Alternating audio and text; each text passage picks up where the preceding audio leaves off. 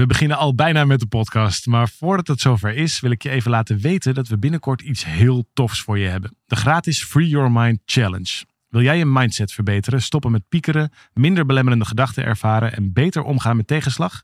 Schrijf je dan in voor deze challenge via www.365dagensuccesvol.nl slash challenge. Het is van 26 mei tot en met 29 mei en ik heb er heel veel zin in. We beginnen nu met de podcast.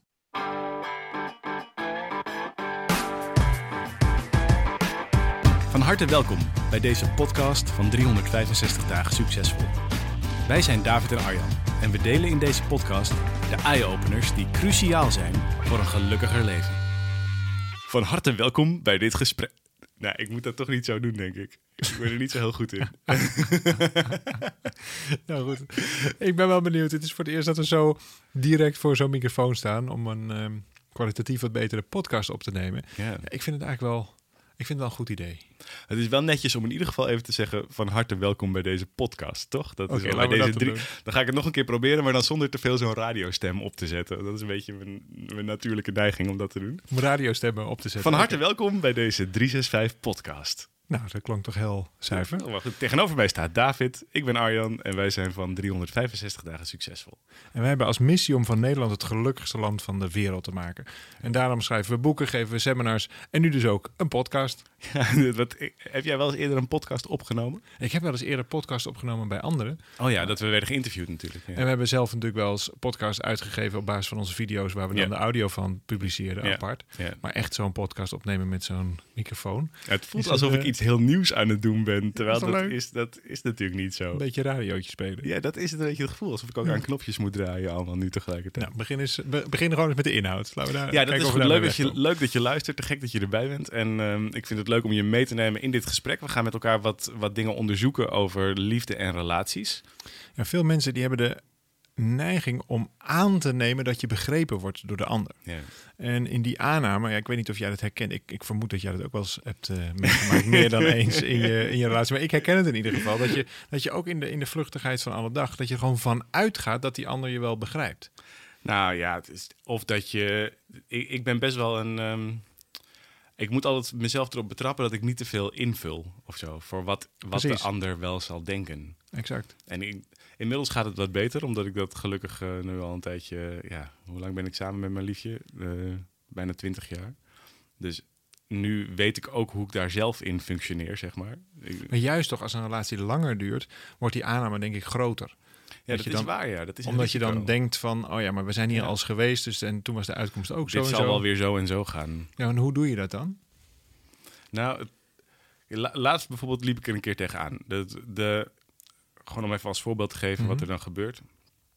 Ehm, ik, ik had het idee dat ik, eh, dat ik haar zou eh, ontlasten. Dat ze moe, want ze was, ze was een beetje moeig. Ehm, we hebben net weer een kleintje gekregen en ze was een beetje moe. En ik dacht, ik ga haar helpen door, haar, ehm, door wat dingen van haar over te nemen.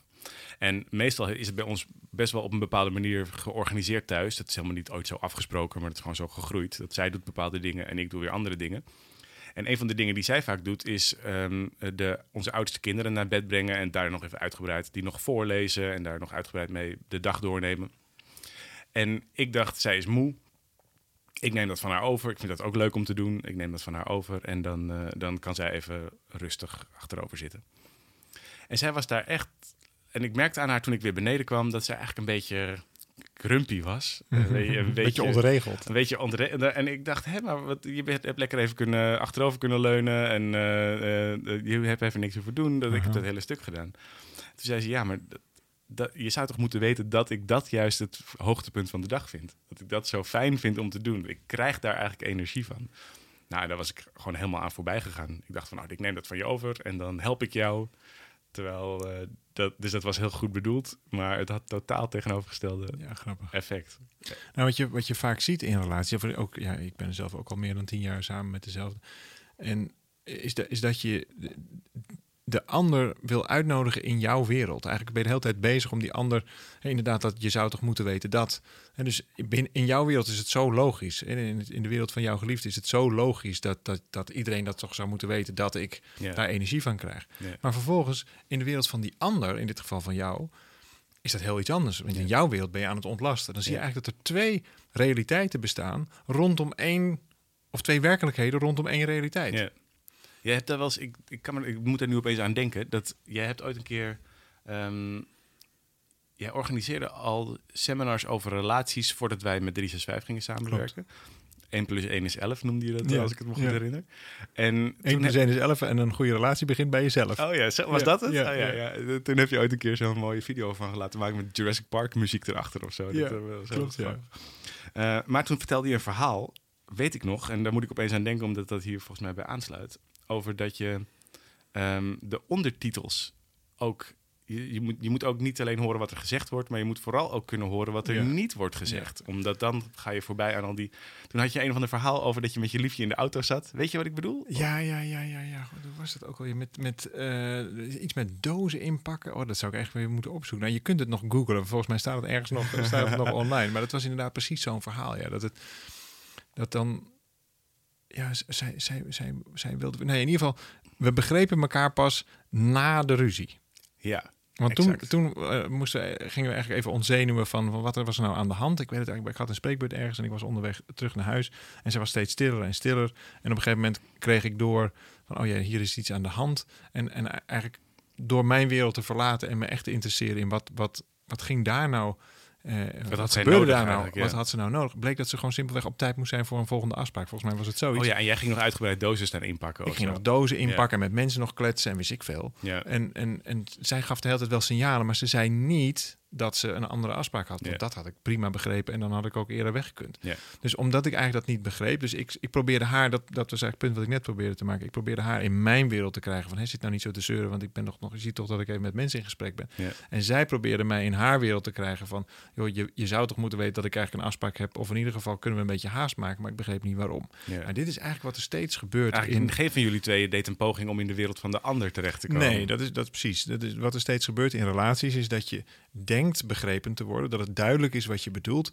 En zelfs als je dat al heel helder zegt, dan is het nog maar de vraag of dat lukt. Dus het is echt wel een kunst van, van het hebben van een relatie. Dit kun je overigens prima leren, maar het is wel echt een, een kunst om jouw, nou, jouw, jouw binnenwereld, dat wat voor jou belangrijk is, dat wat jij eh, wil, of, of dat wat jij belangrijk maakt, om dat ook eh, duidelijk te maken aan die ander. En die ander vervolgens ook weer bij jou.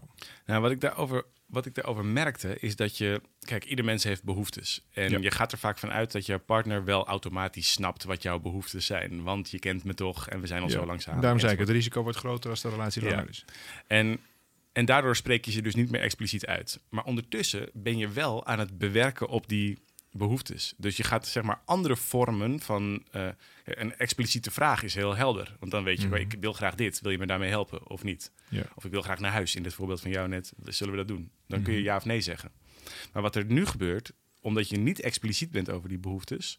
ehm, eh, is dat je andere vormen van manipulatie gaat inzetten. Dus je krijgt vaak dat je Een zwaar bijvoorbeeld- woord, hè, de manipulatie. ja, nou ja, van, van dat je gaat proberen de boodschap op andere manieren over te brengen. Nee, ik zodat denk de andere dan snapt. Ik denk eigenlijk dat het klopt. Dat manipulatie, dat is natuurlijk niet zo bedoeld van ik ga jou eens even manipuleren om Nee, een nee, zin nee, te krijgen. nee, nee. Maar ik denk wel dat het manipula- manipulatieve principes zijn om vervolgens te krijgen wat je, wat je nodig hebt. Ja, dus dat is bijvoorbeeld dan maar niks meer zeggen of zo. Dat is een vorm Ja, van manipulatie. zeker. Of heel, heel, of heel boos worden. Of heel ergens anders over beginnen wanneer het ook al een keer Ja, fout hoor, is niks aan de hand, niks aan de hand. Iedereen voelt dat, is- er wel wat aan de dat hand is. Ja, of, ehm, eh, of heel erg eh, juist gaan vleien bijvoorbeeld. Of je heel erg je eigen seksualiteit inzetten om iets ge- gedaan te Oh, kunnen ja. krijgen bij een ander. Zonder dat je dan zegt wat je wil hebben.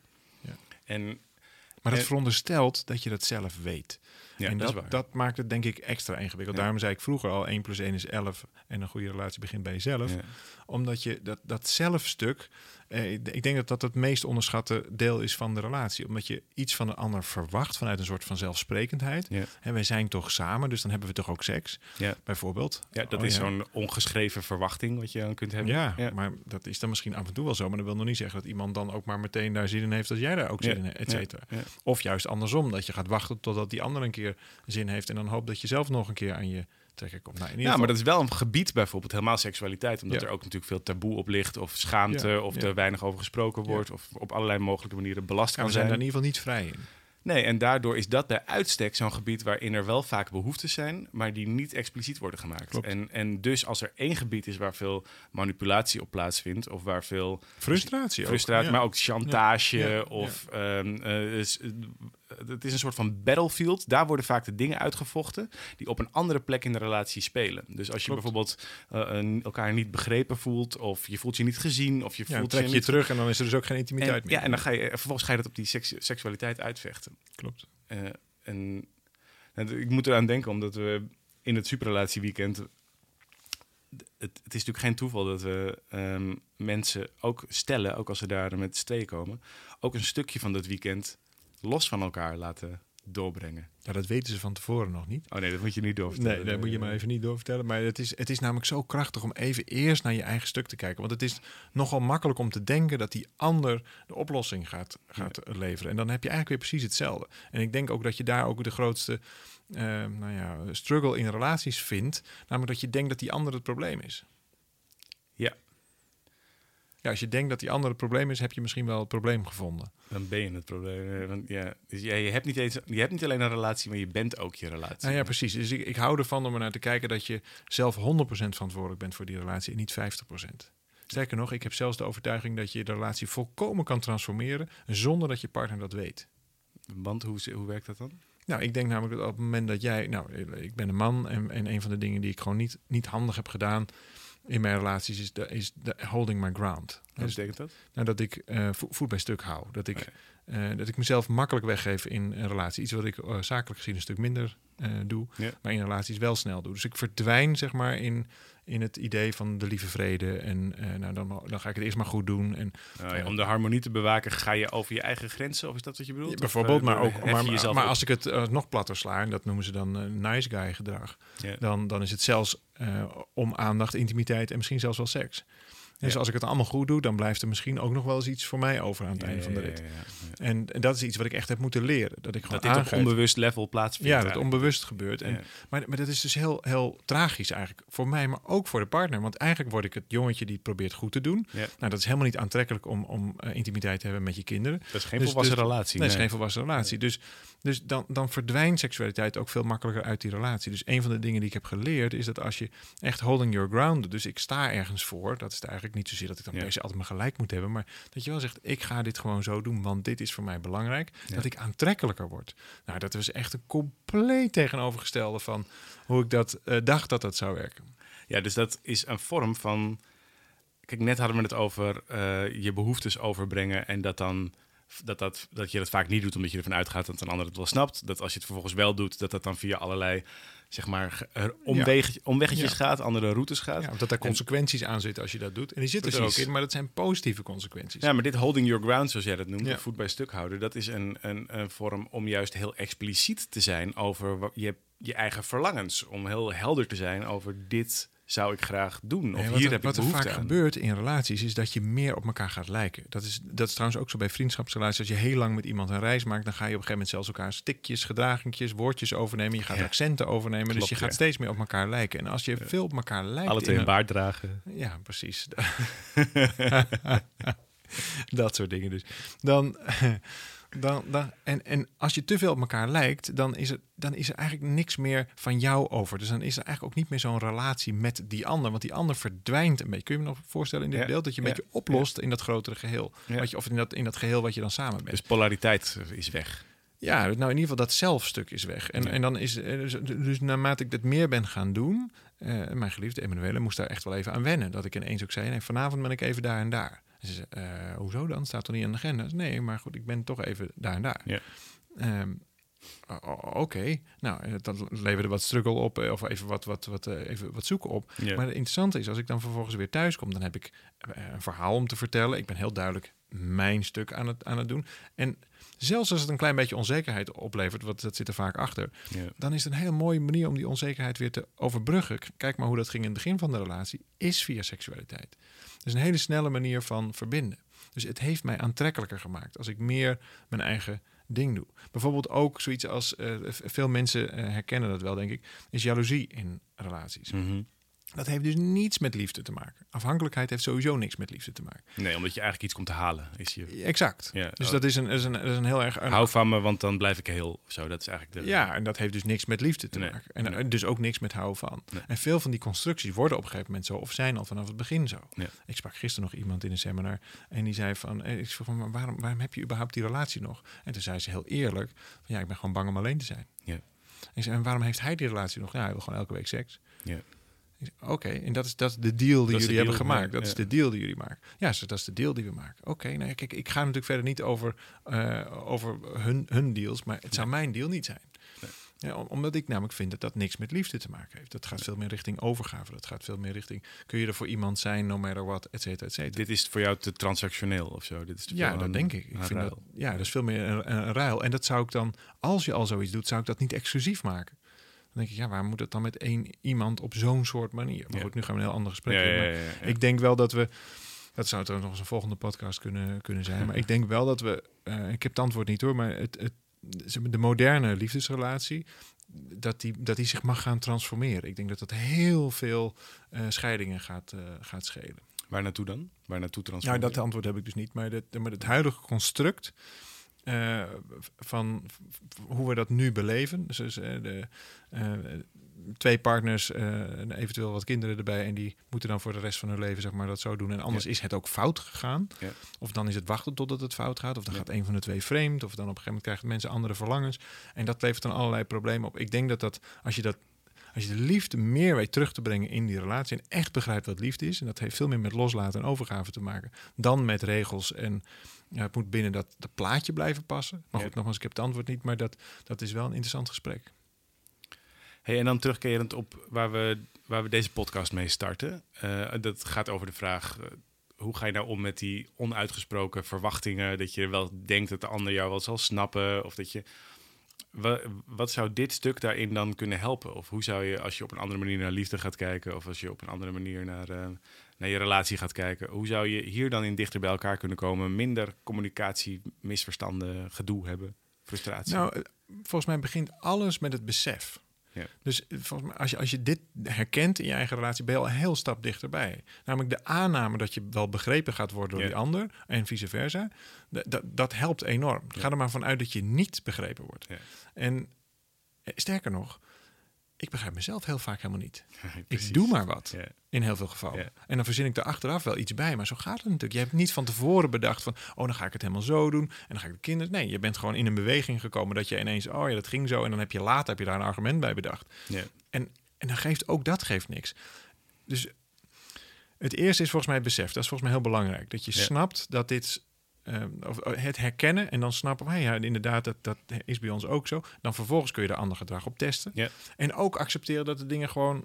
dat het leren is. Het, het leven is niks anders dan een aaneenschakeling. Het is eigenlijk een beoefening, Ja. zou je kunnen zeggen. Een levenskunst, een beoefening. En daar zit het woord oefenen in. Dus het is een voortdurend oefenen... en dat ga je nooit helemaal goed doen. Dat hoeft dus ook helemaal niet.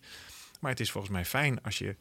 eh, nou, als je daar wat taal omheen. Dat is natuurlijk wat wij, wat wij ook, ook, ook steeds ehm, eh, ja, proberen te, toe te voegen aan, aan, onze, aan onze deelnemers. Is het eigenlijk taal. Ja, in de cognitieve gedragstherapie noemen ze het thought catching. Dus Ja. dat, je, je, dat je je eigen gedachten kunt leren vangen. Of, en Ja. daarmee bedoelen ze vooral dat je jezelf betrapt op je onderbewuste overtuigingen. Of je Ja. irrationele overtuigingen zou je kunnen zeggen. En als je die gaat zien van hé, hey, ik ben er eigenlijk, ga ik de hele tijd onbewust hiervan uit. Of ik onbewust verwacht ik dit van de ander. Of onbewust verwacht ik dat een relatie in mijn leven dit en dit oplost. Als je dat soort dingen gaat zien bij jezelf. Ik geloof werkelijk dat alleen al het inzicht daarvan, de thought catching bij jezelf, dat je jezelf betrapt als het ware, dat daarmee al En dit is wat ik eerder bedoelde, dat je, dat je je relatie volledig kan transformeren zonder dat je partner dat weet. Ja. Dit is precies wat ik bedoelde. Want Ja. dan, dan ga je namelijk doorkrijgen dat je eigenlijk een deal hebt gemaakt, Ja. onbewust met die ander. Ja. En als je die deal helder krijgt, denk er maar zo van, nou, what was the deal I made? En ja, dat is op, op, op, op diep niveau. Eh, doe je dat? En het heeft vaak, in ieder geval met, de- met de, de hele vele stellen die wij hebben begeleid, te maken met dingen eh, nog ver voordat die relatie begon. Dus wij zeggen ook wel eens, de meeste relaties zijn al mislukt voordat ze überhaupt elkaar hebben ontmoet. Ja. En dat zegt dus iets over het stuk wat jij zelf inbrengt. Inbrengt. Ja. En dus je hebt als kind heb je het nodige meegemaakt. Ik heb dat gisteren in het seminar wat ik gaf ook alweer duidelijk gezien. Ja, dus iemand die, die eh, zelf voortkwam uit gescheiden ouders. daar eigenlijk een soort levensdoel van had gemaakt om die bij elkaar te krijgen. Ja.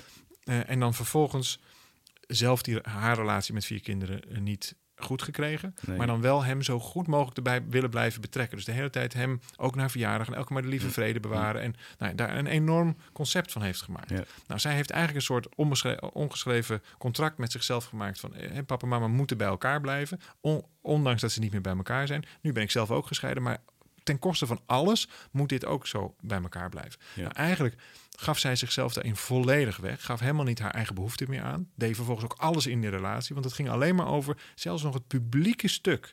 Dus eh, als zolang papa maar op, op verjaardagen bleef komen, de papa van de kinderen, Mhm. dan was het in ieder geval nog een plaatje. Nou, ja. dat inzicht Ja, kreeg ze ja. ineens. En ze zei, ja, maar wacht even, maar dan kan hij toch ook gewoon een keer zwemles doen. En dan kan hij toch ook gewoon met hem naar de psycholoog. En dan kan hij ook enzovoort, enzovoort, enzovoort. Ja. Ik en precies, want dan pas kom jij weer in, in beeld. Ja. Dus ineens zag zij dat zij zelf 100% die relatie vormgeeft Ja. vanuit dat stuk. Ja. Nou, ook zij ging aan de slag met holding her ground in dit geval. Ja. En ik weet heel zeker dat daar ineens ook ruimte ontstaat voor zo'n vader om ook echt vader te zijn. Ik vond het geweldig om met mijn kinderen eh, naar, naar zwemles te gaan. Omdat het ook, je wilt niet alleen maar eh, naar artis en, en, en ijsjes uitdelen als vader. je wil ook een niet. keer bij de dokter zitten en ook een keer bij de tandarts. En ook op de pijnlijke momenten er kunnen zijn. natuurlijk. Dus er ontstond ruimte in die relatie. We begonnen dit gesprek over, ehm, eh, over je zou toch moeten weten dat. Nou, dat is zo'n beetje alle kanten op ge- gewapperd over Ja, hoe, zo gaat het. hoe, Ja. hoe, hoe spreek je je behoeftes uit, hoe Ja. raak, je elkaar kwijtraken, hoe kun je elkaar weer terugvinden. Ook op het gebied van, van seksualiteit, Ehm, eh, op het gebied van communicatie. Ehm, wat ik zelf heb geleerd is dat het in dat voorbeeld wat ik gaf over dat ik mijn kinderen naar bed ben gaan brengen, eigenlijk terwijl mijn liefje daar helemaal niet op zat te wachten, Ja. is dat ik voortaan beter aan haar kan vragen: joh, wat is, er iets wat ik voor je kan doen? Of waar help ik je nu het meest mee? Heel expliciet te zijn Tenzij, over. tenzij eh, jij graag zelf je kinderen naar bed wil Nee, brengen. dat is een ander verhaal. Dat is, dat is natuurlijk ook soms Ja. zo, maar dan ben ik, ik ben me- meestal wat duidelijker. Dus ja, oké, ja, eh, ja, nee, dat, eh, zo herken ik je weer. Ja. Gelukkig gebeurt dat ook regelmatig genoeg. Nee, dat is zeker waar. Ze is niet alle avonden thuis. Ehm, voor nu leuk dat, je, leuk dat je hiernaar luistert. En ik ben heel benieuwd wat je, wat je indruk hiervan is, wat je ervan vindt, wat je eigen gedachten erover zijn. Eh, wat je hebt gehoord is de, de 365 podcast met tegenover mij David de Kok. Ik ben Arjan Vergeer. En we zijn van plan om vaker dit soort dingen te doen. Om met je te praten over liefde en relaties. Om met je te praten over grote thema's in je leven. Dat kan gaan over stress, over werk, over geld verdienen. Over voor jezelf beginnen. Over hoe je over jezelf denkt. Over je lijf, over je geest. Het kan alle kanten opgaan. En we delen graag daar onze verhalen en inzichten en eye-openers over met je. Ja, laat het ons vooral weten. Ja, we, zitten, we zitten ongetwijfeld op een miljoen Instagram, kunnen op beter. Facebook. We, zitten, we hebben een website. Laat weten eh, wat je hiervan vindt en wat je graag meer zou willen van ons. En ehm, wij gaan erover over in gesprek met elkaar, maar ook heel graag met jou. Dankjewel en tot de volgende keer. Ja.